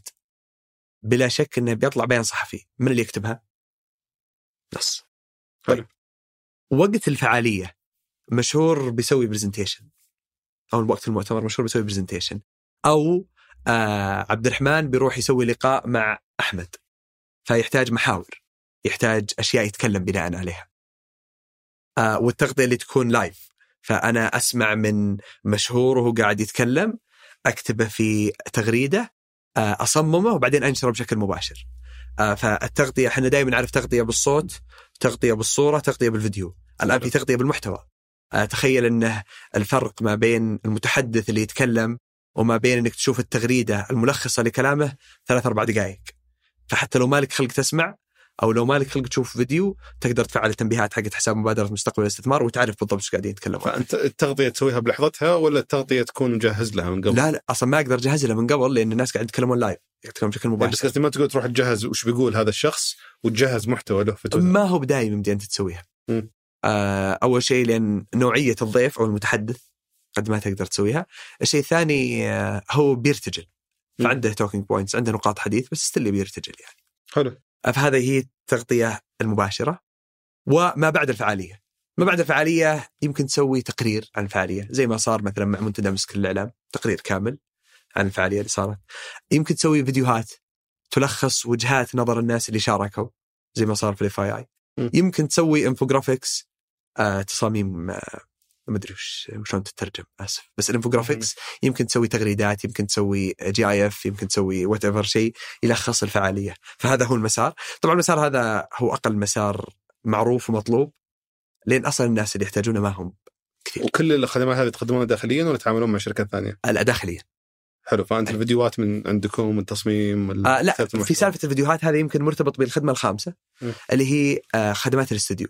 م. عندنا خدمات آه التصميم وال branding وغيره هذا نسويه in house وفي الأشياء اللي متعلقة بال production آه الإنتاج م. التصوير ولا motion graphic ولا whiteboard ولا 3D ولا اللي هو هذه نسويها مع آه ناس مع outsource مع أطراف خارجية م. آه عموم أعمالنا يعني أقدر أقول لك عش آه 10% بس هي اللي خارج نص. أما الباقي 90 إلى 92% لا كلها نسويها in house داخلي. وصرتوا تتعاملون الآن بشكل مباشر مع العملاء ولا برضه آه عن طريق لا؟ صرنا نتعامل بشكل مباشر مع العملاء. يمكن بس خليني أقول لك وش اللي وش الخيط الرفيع اللي يربط كل الخمس مسارات هذه؟ إن كن كلها centralized على المحتوى كلها مرتكزة على المحتوى. فمثلا لو جيت وقلت لي عبد الرحمن أبغاك تسوي لي حملة مدفوعة على تويتر. م. أول سؤال بسألك أنا اللي بسوي المحتوى؟ إذا إيه خير وبركة تعال إذا لا لا أنا ماني بشركة حقت digital marketing ماني بتسويق رقمي هذه هذه دخلنا على سؤال الحين م. وش الفرق بينكم وبين يعني الناس ممكن يشوفونكم أنتم ويشوفون حبار مثل اللي قابلناهم م. ممكن يشوفون ثمانية م. يشوفون كلكم نفس الشيء آه. وش اللي يميزكم عن أي شركة ثانية أو وكالة دعاية وإعلان أو شركة محتوى في السوق؟ أي لا هو في فرق كبير. خلني بس آه نرجع خطوة ورا. لأن حتى حبار مثلا يقول لك أنا برضه أسوي لك أفكار ابداعيه وممكن أي. أسوي لك- اصمم لك حملة أكتب لك محتوى حتى تصور عندهم. يس آه طيب آه خلينا نرجع خطوة ورا. خلينا نشوف القطاع أصلا وشلون تشكل أو. وش كان موجود في القطاع. كان موجود في القطاع زي ما قلت لك آه وكالات للدعاية والإعلان تسوي كل شيء. حلو. آه خلينا نقول مكونات القطاع هي عملاء ووكالات وعاملين م. مثل كل القطاعات آه، الوكالات هذه هي اللي تجيب العاملين يا أما full time يا أما freelancer يا أما موظفين دوام كامل يا أما آه، عم آه، عاملين مستقلين م. تروح تخدم العميل. آه هذه مكونات القطاع مسارات القطاع فيه كتابة محتوى فيه ترجمة محتوى فيه تدقيق محتوى لأن ترى حتى اللي المكاتب اللي على طريق الملك عبد الله اللي يترجمون آه يسوون محتوى م. فكان القطاع كذا منتثر ومتشتت مرة. فزي ما قلت لك في كتابة في ترجمة في تدقيق في اعاده صياغة في أفكار إبداعية في تصميم بروشورات. في تصميم بطاقات زواج في هويات آه، فيه آه، الإنتاج okay. الإنتاج الموسيقي. ف يمديني يعد لك 50 خدمة موجودة في القطاع. آه، اللي يسو... اللي تسويه نص يمكن أب... أبرز شيء يميز نص إحنا نسميه ال heavy content المحتوى الثقيل. م. وهذا يمكن ما ودي أخليه معقد بس تخيل معي أنك تكتب تقرير سنوي مطلوب من الحكومة م. كل الجهات الحكومية والشركات المدرجة في سوق الأسهم لازم تسوي تقرير سنوي يلخص 365 يوم راحت م. فتخيل أنك تجلس مع 5000 موظف وتسمع 100 مليون معلومة عن 365 يوم في السنة وتكتبها في 100 صفحة هذه مثلا شركة زي حبار ما يسوونها حد على حد علمي لا أوكي. آه اللي يصير طبعا إحنا ما نجلس مع 500 موظف ولا إيه، 700 فاهم- مليون فاهم، معلومة إنه- بس اللي يصير إن إحنا سوينا آليات الأعمال الداخلية اللي تضمن لنا إن إحنا فعليا نقدر نستفيد آه، من آه، آه، فرص العمل على المحتوى الثقيل المحتوى الثقيل هذا يشكل أغلب مشاريعكم. أي يعني مثلا زي ما قلت لك التقارير السنوية. التقارير إحنا السنويه ممكن مثلا زي ما ذكرت موضوع الفعاليات جهز للفع... محتوى للفعالية واللي بيقوم بالفعالية يس وتغريدات عن الفعالية بس الشيء اللي أثقل منه آم، آه، مثلا وثائق برامج الرؤية. م. هذا شيء ما كان في أحد يشتغل عليه. أول شيء لأنه ما كان موجود أصلا. ما كان في برامج رؤية قبل 2015 الشيء الثاني لأن ما كان ما كانوا الناس يعرفون شلون يتعاملون مع شيء زي وثيقة برنامج الرؤية. إحنا وش نسوي؟ ناخذ وثيقة برنامج الرؤية. وثيقة برنامج الرؤية باختصار آه البرنامج له نسختين. خطة تشغيل. في شيء اسمه ال delivery plan اللي هي خطة التسليم أو التنفيذ. وهذا شيء داخلي يستعملونه داخليا ومع الجهات ذات العلاقة الحكومية. وفي شيء اللي نلقاه في موقع رؤية 2030 وثيقة برنامج صندوق الاستثمارات العامة. م. وثيقة برنامج بلا كل الوثائق. فاول طلب جانا كان برنامج الصناعه الوطنيه والخدمات اللوجستية ندلب 2018 أو 2017 2018 آه ما قد اشتغلنا على شيء زي كذا بس قلنا دقيقة. إحنا عندنا في ال pipeline عندنا في مسار الأعمال نشتغل على تقارير سنوية. وش التشابه ما بين التقارير السنوية وما بين الرؤية؟ م. أول شيء إن فيه structure في هيكل للمحتوى. ممتاز شيء ثاني إن المحتوى اللي موجود فيها ثقيل مرة ومعقد. check فلازم نبسطه لازم في أحد يفهم وش معنى الصناعة وش معنى الاستزراع السمكي وش مع... لازم في ناس يفهمون هذا الشيء. الشيء الثالث إنك ما تقدر تكتب على كيفك. آه 500 صفحة 600 صفحة لا لا أنت عندك حد أقصى 100 صفحة. حلو. آه فناخذ الوثيقة نتعامل معها زي ما نتعامل مع التقرير السنوي مع بعض الفوارق والتش... والأشياء المختلفة. حلو فبس عشان ما, ما نطلع كثير عن الموضوع Yes. الأساسي الفرق بينكم وبين الشركات الثانية إنكم تركزون على المحتوى الثقيل. اللي يحتاج فعلا شغل وفهم وتبسيط وتمثيل وما إلى ذلك ونشتغل على غير الثقيل يعني مثلا في المسار الأول عندي منافسين مم. في المسار الثاني في من. ينافسك في المحتوى الثقيل حاليا غير همزة اللي طلعت من رحمه الوفاء بتكون ممتنه لك آه صراحة أنا شغالين صح؟ إي شغالين yes okay. آه أنا صراحة ما أبي أقول ما في أحد قاعد ينافسنا إحنا أحسن ناس إحنا ننافسهم بس الناس اللي يشتغلون في نفس مجالنا آه في همزة آه في تراكيب تراكيب تراكيب. تراكيب آه بالمناسبة أخو حسان الأنصاري هو اللي مسوي تراكيب عبد الله الأنصاري okay ودرس معي في ابتدائي ترى بالمناسبة يعني. فعنده معلومات كثير مرة لو سألينه بيعد باقي أحب أمسي عليه؟ أمسي عليه نقطة. إيه. آه هذا في التراكيب في همزة في شركات صراحة بدأت ثم وقفت في شركات اذكر بدأت في الشرقية في بس عددكم. قليل نسبيا مقارنة بمثلا شركات الإنتاج وشركات مو بقليل نادر شركات إدارة المحتوى ال- ما شاء الله إدارة الحسابات الشبكات الاجتماعية أتوقع أي عد واغلط ما شاء الله 700 تبارك الله. الف شركة موجودة فعندنا مثلا هنا في همزة في تراكيب في المحتوى الإبداعي فيه يعني عد واغلط ما شاء الله تبارك الله. آه، من ناس آه، سواء انترناشونال أو حتى من ناس آه، محليين محبار تي تي بي زي ما تفضلت في السوشيال ميديا اجين ما شاء الله عندك تاكت. عندك آه، في إدارة محتوى الفعاليات ما أعرف في أحد يقدم الخدمة بالاسم هذا مم. أو بنفس ال scope بنفس النطاق هذا يمكن في ناس يسوون آه، خلينا ندخل على نقطة ثانية عشان بس آه، طبعا هو الاستوديو والإنتاج ما شاء الله يعني إيه، كثير. فل يعني ما شاء الله ال- آه، باخر سنتين تقريبا صار عندكم نمو كبير نسبيا في في. عدد المشاريع عدد العملاء تحديدا العملاء الحكوميين كنا نسولف yes قبل البرنامج. هل كان في شيء معين اجتذبهم خدمة جديدة قدمتوها؟ اجتهدتوا أكثر؟ جبتوا واحد يبيع شاطر؟ أي. وش اللي صار بالضبط اللي سوى لكم النمو هذا تحديدا عند الجهات الحكومية؟ اي هو بلا شك إن منصة اعتماد هي عامل مرة مهم. إذا سمحت لي بس هنا في نقطة. أه وشلون إحنا أصلا كنا نبيع؟ أول شيء كنا نبيع بالعلاقات. الشيء الثاني ثم تطورنا وصرنا نبيع ب آه بأن إحنا نروح نقول للناس نبي نشتغل معكم. أي أحد نشوفه نقول نبي نشتغل معك ونحاول نروح ندرس موقعه الالكتروني ملفه التعريفي حسابه في تويتر. ثم من المرحلة الثالثة اللي إحنا فيها الحين يا ربي لك الحمد اللي هو صار ال business يجيب ال business. الشغل يجيب الشغل. اشتغلنا مع صندوق الاستثمارات العامة جانا مشروع مع صندوق الاستثمارات العامة ثاني داخلي جانا مشروع مع صندوق التنمية الوطني. فكذا قاعد تسلسل. آه طبعا ما يعني إحنا ما نشتغل بال connection أو ما نشتغل بأن إحنا نروح نسوي pitching قدام الناس. الحين نقول الناس نبي نشتغل معكم. مم. نعرض فرصة إحنا نشتغل معهم. آه في تصوري منصة اعتماد. أتاحت الفرصة للجميع. مم. إنهم يشتغلون. تعطيني مثال شلون اتاحت الفرصة لكم. طيب آه التقارير السنوية شو اللي منصة اعتماد اللي ما يعرف طيب منصة اعتماد هي منصة من وزارة المالية. آه متاحة فيها كل المنافسات وليس المناقصات. خلاص ما عاد ما عاد في مناقصات في منافسات. الفرق فيما بينها أن أول كان سعرك إذا هو الأقل تفوز بغض النظر عن العرض الفني حقك بغض النظر أن تفهم ولا لا. مم. فمثلا لو مشهور فلتة وقدم 100000 وعبد الرحمن ما يفهم وقدم 10000 يفوز عبد الرحمن. مم. يعني عبد الرحمن مناقصة من اسمها فالحين صار في منافسات. آه نعود الاعتماد منافسات لها معايير معينة على إيه لها لها. العرض الفني ولها العرض المالي ولها سنوات الخبرة ولها الفريق العامل ولها آه، التزكيات ولا الشهادات من عملاء آخرين. وهذا من حسنات الرؤية اللي ما نقدر يعني نحصيها ولا نعدها اللي هي التفضيل للمنشآت الصغيرة والمتوسطة. في كذا أكثر من شيء. فالمنصة هذه تدخل وش المجال حقك؟ الإعلام والنشر والتوزيع. تدخل تطلع لك كل كل الأشياء ذات. العلاقة. إيه. إيه. تقرير سنوي توريد أعلام طباعة باجات هذه البطاقات آه، إنتاج فيديوهات اليوم الوطني يعني مشاريع كثير. تدخل تشتري الكراسة. المثير جدا. الكراسة فيها تفاصيل المتطلبات. أي الكراسة باختصار يقولوا لك هذا اللي إحنا نبيه. جدول كميات ومواعيد تسليم.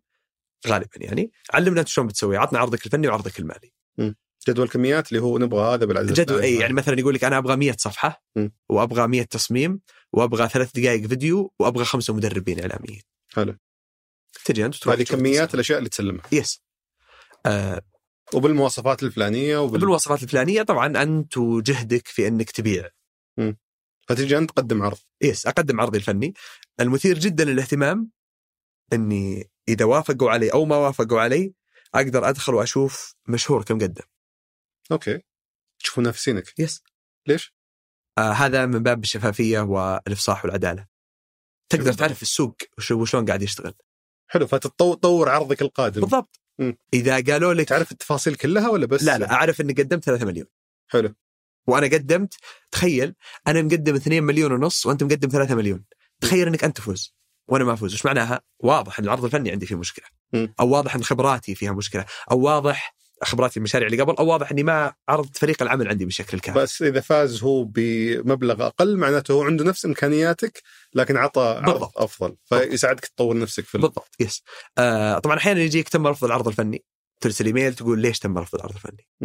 يعطونك تفصيل يعطونك تفصيل يجتمعون معك ويقولوا لي يقول أنت ما سويت كذا أنت ما سويت كذا ال- الجهه ولا ولا لا منصة الجهة اعتماد؟ لا لا منصة اعتماد هي مجرد آه، منظم آه حتى ما ما هي مشرع مجرد منظم مم. لتقديم الكرا... شراء الكراسات والتقديم على الكراسات واستلام أوامر الشراء اللي هو التعميد والدفع. حلو. آه فأعتقد منصة اعتماد ساهمت بشكل كبير مرة في إن إحنا نصل لجهات حكومية. الشيء الثاني إن إحنا بنينا جزء من الخبرات اللي موجودة. آه الخبرات صراحة يمكن هذا مرتبط بصناعة المحتوى وأفترض جزء من صناع المحتوى يتفقون معي. آه إذا كتبت عن برنامج آه، الاستدامة المالية فأنا ما أكتب وأنا ما أعرف ولا معلومة، لا لا أنا يحتاج أعرف بالضبط وش قاعد يسوي برنامج الاستدامة المالية. مم. فتخيل إني اشتغلت مع وزارة المالية ومع برنامج الاستدامة المالية بعدين فتحت أنا شركة حقت كراود فاندنج حقت تمويل جماعي. ما انت بلاقي واحد أحسن مني. مم. أنا أفهم وزارة المالية شلون تشتغل وشلون تشرع وأفهم برنامج الاستدامه المالية وشلون يدعم التقنية المالية. بس هذه دخلنا على موضوع الآن طبعا مع النمو المتزايد للعملاء في شيء. ثالث بس إذا سمحت لي. تفضل أي الشيء الثالث اللي هو نظام المشتريات الحكومية. مم.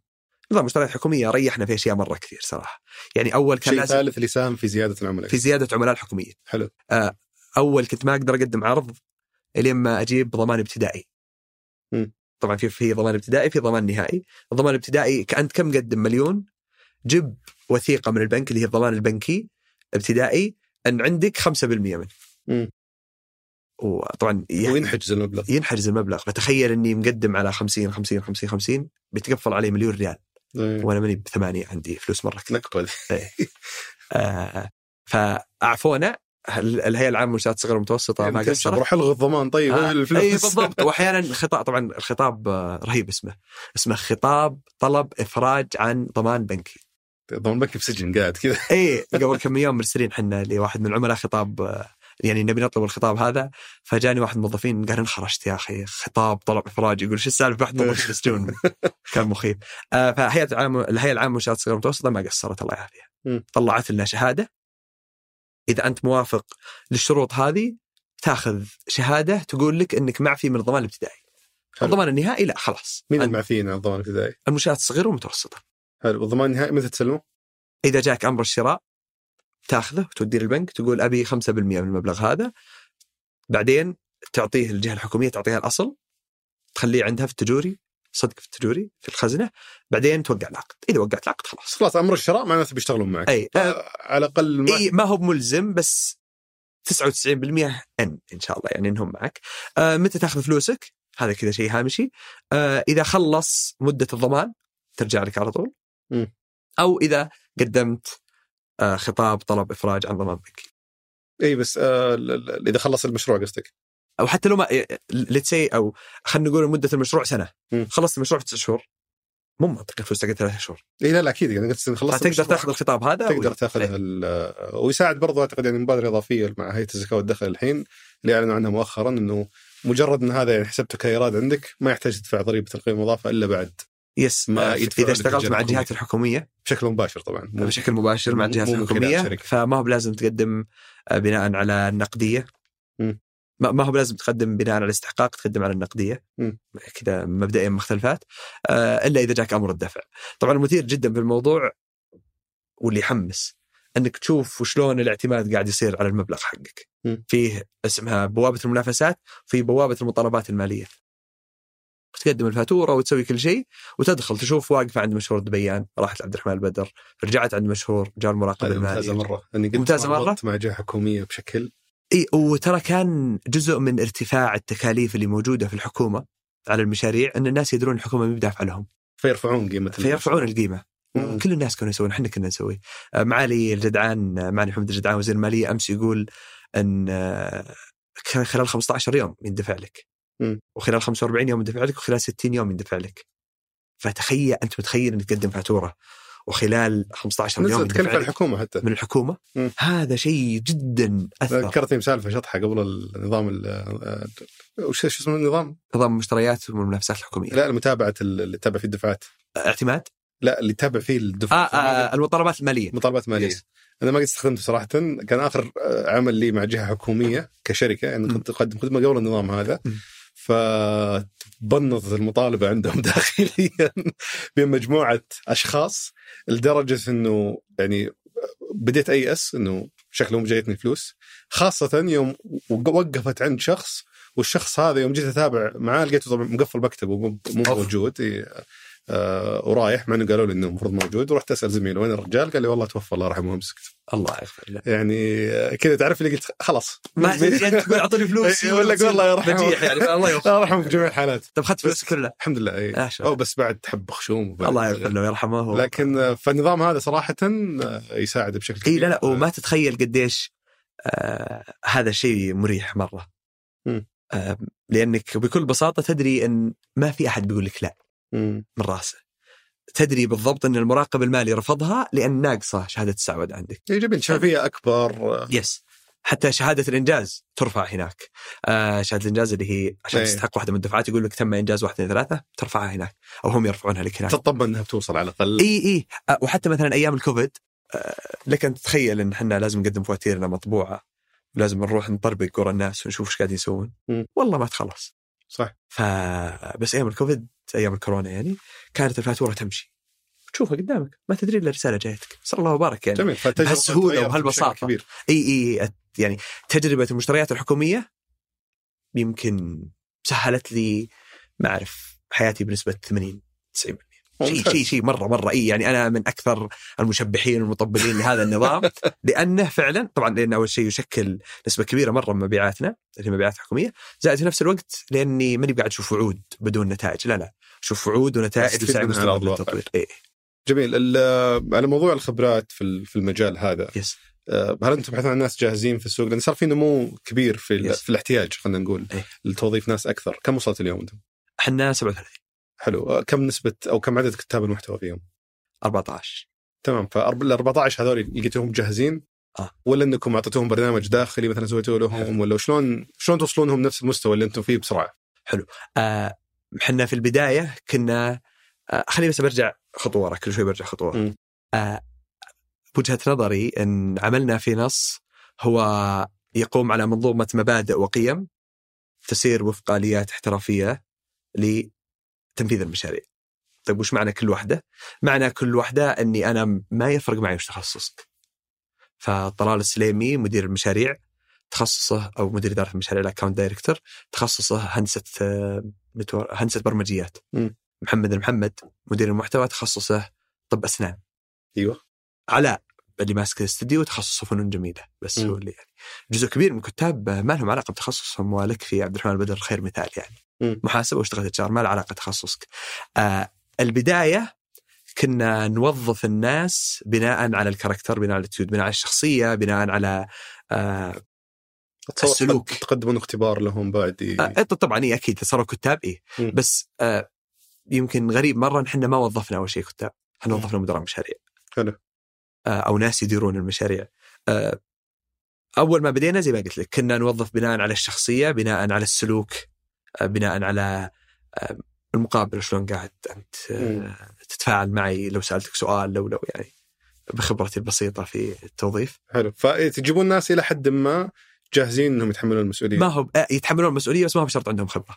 فكيف تضمن إنه مثلا الكتاب تحديدا انهم يكون عندهم الخبرة اللازمة إنه يؤدي ما عنده أخطاء إملائية ونحوية وصياغية؟ مم. تعال بعلمك شلون تسوي الهيكلة بعلمك شلون تلتزم بنبره الكتابة وأسلوب الكتابة الخاص بمشهور الذي يختلف اجتهادات شخصية ولا آه، في البداية؟ كانت اجتهادات شخصية. إي أكيد أكيد. ما أصلا ما لا الحين الحين اليوم. لا لا الحين الموضوع هذا يمكن اللي ينقلني إلى أن آه، يمكن إلى منتصف 2020 كنا نستقطب الناس الفريش أو اللي عندهم خبرة ونتعلم مع بعض مم. نتدرب مع بعض نتربى في السوق مع بعض مم. الآن لا حان وقت استقطاب الكفاءات اللي تضيف وتعدل وتقول لا وتقول إيه على شغلنا. آه هذا نتج من وشو؟ نتج من تراكم خبرات ومعارف ونتج من أن العميل إذا أنت مقدم له جودة 100% المره الجايه ب 110 ترى اللي عقبه ب 150 الشيء الثالث نتج من إنك لازم فعلا تكون قناة آه، الناس ممكن يروحون يجون فيها. بس ما في مثلا برنامج تدريبي داخلي ولا إلا برنامج فيه تدريبي؟ آه فيه آه يعني آه، أول تجربة للتدريب كانت قبل سنتين يمكن مم. أو سنة ونص آه اكتشفنا إنها مثمرة جدا لدرجة إن المتدرب توظف معنا. okay.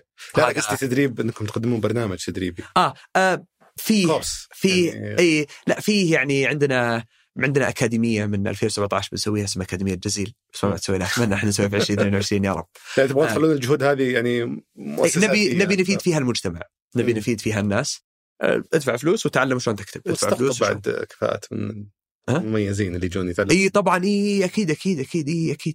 حلو. طيب آه، أنا عندي سؤالين بختم فيهم. السؤال الأول ال- تذكر نقاشنا ذاك اليوم كان. تعليقك على حلقة حبار؟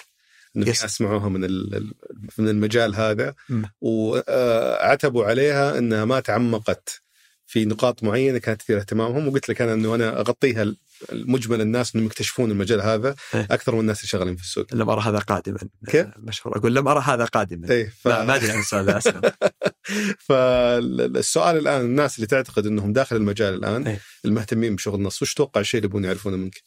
أعتقد يمكن نقطتين آه النقطة الأولى أن آه صناعة المحتوى ما تعتمد على تخصصك. ولا تعتمد على خليني أقول لك آه بالاشياء اللي قد اشتغلت عليها قبل أوكي صناعة المحتوى تعتمد على الآلية اللي تتفق فيها مع الأيجنسي اللي أنت موجود فيها. بمعنى آه، آلية الإعداد للحلقة هذه في سوالف بزنس مختلفة عن آلية الإعداد لبرنامج عديناه على MBC ولا برنامج عديناه على قناة الرأي. مم. فما يفرق انت حتى لو أنت محاسب بالمناسبة يعني ما يفرق انت كم عندك من طن من الخبرات ولا يفرق كم عندك من العلاقات يفرق أنك فعلا تدخل في في ال culture تدخل في الثقافة تدخل في ال mood تدخل في style حق العمل مم. آه، حق الجهة هذه اللي يتعامل معه اللي تتعامل معها أو اللي بتوظف عندها لا اللي بتوظف عندها فإذا عندي X يبغى يتوظف في نص آه، خبرته على العين والرأس مهاراته على العين والراس بس اللي يفرق أكثر كثير آه إنه هل أنت فعلا بتتواءم معي بتدخل في جوي على طول. مو بجوي إني بسولف معك ولا بضحك معك لا لا لا إني فعلا أقدر آه، أقدر آه، أكون مقنع لك إنك تبيع الهيكل يعني مم. مثلا آه، تخيل معي إني بكتب ملف تعريفي عن خطوة جمل مم. الهيكل هذا اللي موجود حق الملف التعريفي لازم ما هو بس اللي يقتنع فيه الكاتب عشان يقدر يكتب فيه لازم أنت كمدير مشروع تقتنع فيه. ف وشلون حنا نبيع وشلون حنا ندافع وشلون حنا انت مشكلة يعني يتوائم مع طريقة عملكم بس أي. الشيء الثاني؟ الشيء الثاني آه اللي هو ما ودي أسميه آه وشلون تحل مشاكلك لا لا وشلون تتجنب المشاكل آه أحرص على المحافظة على علاقة ممتازة جدا جدا جدا مع العميل بس هل تعتقد الحين الشيء اللي ذكرتهم لو يسمعها موظف عنده خبرة في همزة مثلا أي. بيحس إنها مثيرة للاهتمام؟ على الأقل بالنسبة لي إيه حلو يعني شاركت شيء يفترض إنه يهم الناس اللي في. يس إيه. المجال هذا. إيه. جميل طب بختم معك بالسؤال اللي نختم مع كل الضيوف كنت أي. تعرفه دامك متابع للبرنامج أي. اللي هو لو بيرجع فيك الوقت في نفس الخبرة ونفس التجارب وش الأشياء اللي بتغيرها أو المشاكل اللي بتتجنبها غير سالفة ال 20% عرفناها يا مصطلح سلام آه شيئين الشيء الأول بوظف مم. على طول ماني متأخر في التوظيف وش اخرك في التوظيف؟ سالفة الراتب اللي لازم يكون عندك 12 12 شهر. إيه. كنت أخاف. آه الشيء الثاني آه أفترض إني بقوي قلبي في آه إني أقدم على مشاريع آه كبيرة مم. كنت أقول أقدر أشتغل على هذا ولا ما أقدر؟ يعني الحمد لله في 2021 صندوق الاستثمارات العامة الهيئة السعودية للسياحة تقدر من ناحية قدرة ولا من ناحية آه، طاقة استيعابية؟ آه لا من طاقة استيعابية ومن إني معليش من أنا عشان أقدر أشتغل على هذه؟ مم. اكتشفت مع الوقت إني أنا تحس إنك صغير يعني وانت اي بس يا رب لك الحمد. يعني كمية ال... أن الكلمة هذه قد تبدو مستهلكة بس كمية التمكين والدعم اللي قاعد يصير شيء مو طبيعي. يعني الحين وإحنا قاعدين نتكلم للشركات المحلية ما هو لانها محلية. مم. لا لأنها قاعدة تقدم مستوى وجودة عالية جدا. آه، يعني الحين وإحنا قاعدين نتكلم آه، مشاريعنا مع كبار الجهات الحكومية ومع كبار الشركات آه، ما كنت أتخيل والله في يوم من الأيام إني بشتغل عليها سواء تمام. كانت وزارات ولا صناديق ولا شركات خاصة ولا شركات استشارية يعني اليوم أنت قاعد تقعد مع معالي ومع أمير منطقة ومع رئيس تنفيذي آه، لأنك لمجرد إنك قاعد تصنع المحتوى اللي هم يطلعون فيه. آه، هذا بلا شك إنه واكبة إيمان بأهمية المحتوى وقديش المحتوى الجيد يعبر عن الشيء الجيد اللي أنت تسويه. أحيانا أنت تسوي شيء رهيب مرة بس الناس مو قاعدين يدرون عنك. وهذا مجال يطول أكيد يعني له علاقة بال communication بالتواصل أكثر ما له علاقة بالمحتوى. بس still هذا شيء مرة مهم. آه فزي ما قلت لك آه أبى أقوي قلبي وأبى أوظف مباشرة. حلو قلت لي قبل بداية الحلقة بتقول أبيات شعر ما قلت ولا واحد حسيت اسمي عبد الرحمن بن هبان لا بس هذه هذه مثلا آه يمكن قلت لك في البداية مبادئ وقيم. إيه. إحنا مبادئ وقيم وآليات عشان نخدم المشاريع. آه من ضمن المبادئ والقيم من آه محمد المحمد قد سألني سؤال. مين محمد الحمد مدير المحتوى عندنا. إيه. أنا أحبك تقول لي اسامي موظفين كاني اعرفهم ما يعني- واحد المعروف لا يعرف. محمد المحمد سألني سؤال قبل حفلنا 2019 قال لي عبد الرحمن وش تخاف؟ أدري. هذا اللي ما ودك أسألك صراحة. لا أحبه أبو مو علي بوقتك. أحبه أبو علي. لا سألني قبلها بليلة. قلت والله ما أدري. بعدين اكتشفت وش أخاف منه. هذا كل هذا عشان أقول لك بيت الشعر ترى. أيوه. آه قلت أخاف أبو علي إن إحنا نوصل لمرحلة نعتقد إن إحنا تمكنا فيها من كل شيء. عرفنا كل شيء فهمنا كل شيء. وهذا ما هو بكلام شاعري ولا كلام حلو ولا أروج فيه لنفسي. لا لا صدق. إذا اعتقدت إنك وصلت طف الشركة وروح بيتكم. فلذلك أنا دائما أستشهد مع الموظفين في بيت الملك عبد العزيز معروف. يقول مهبول يا قايل انقضت تو عمر دخانها. فمهبول يا قايل انقضت رحلة التعلم ولا رحلة المشاريع الجديدة تو عمر دخانها تونا قايلين بسم الله. تونا بدينا نتعلم المشروع الجديد. هذا ما يعني إني أحتقر. ولا أقلل المشاريع اللي قبل عندي بس still آه يعني دائما ابدا عندي فرصة للتطوير والتحسين. وإذا تبي أبيات زيادة امش خاص. لا لا كان واحد بس عن قولة إنه يعني آه، قلنا شيء. بس واضح ما يحتاج شرح واضح الله يعطيك العافية. okay استمتع. جدا بلقائك الله يطول عبد الرحمن ولنا لقاءات أخرى إن شاء الله. برا وخارج نطاق البرنامج. بحول الله. يعطيك العافية. أكثر من سعيد. هذا كان بالنسبة لحلقة اليوم. شكرا لمتابعتك الحلقة إذا أعجبتك أتمنى تدعمنا بالنشر والتقييم في iTunes. وإذا عندك ملاحظات يا ريت تشاركني إياها على حسابي في تويتر دبيان أو إيميل البرنامج سوالف ثمانية dot com. شكرا لفريق سوالف بزنس في الإنتاج فهد القصير في التصوير ياسر الغانم في التحرير مرام الضبيبان وفي هندسة الصوت محمد الحسن. شكرا للراعي الرسمي مصرف الراجحي. كان هذا سوالف بزنس أحد منتجات شركة ثمانية للنشر والتوزيع.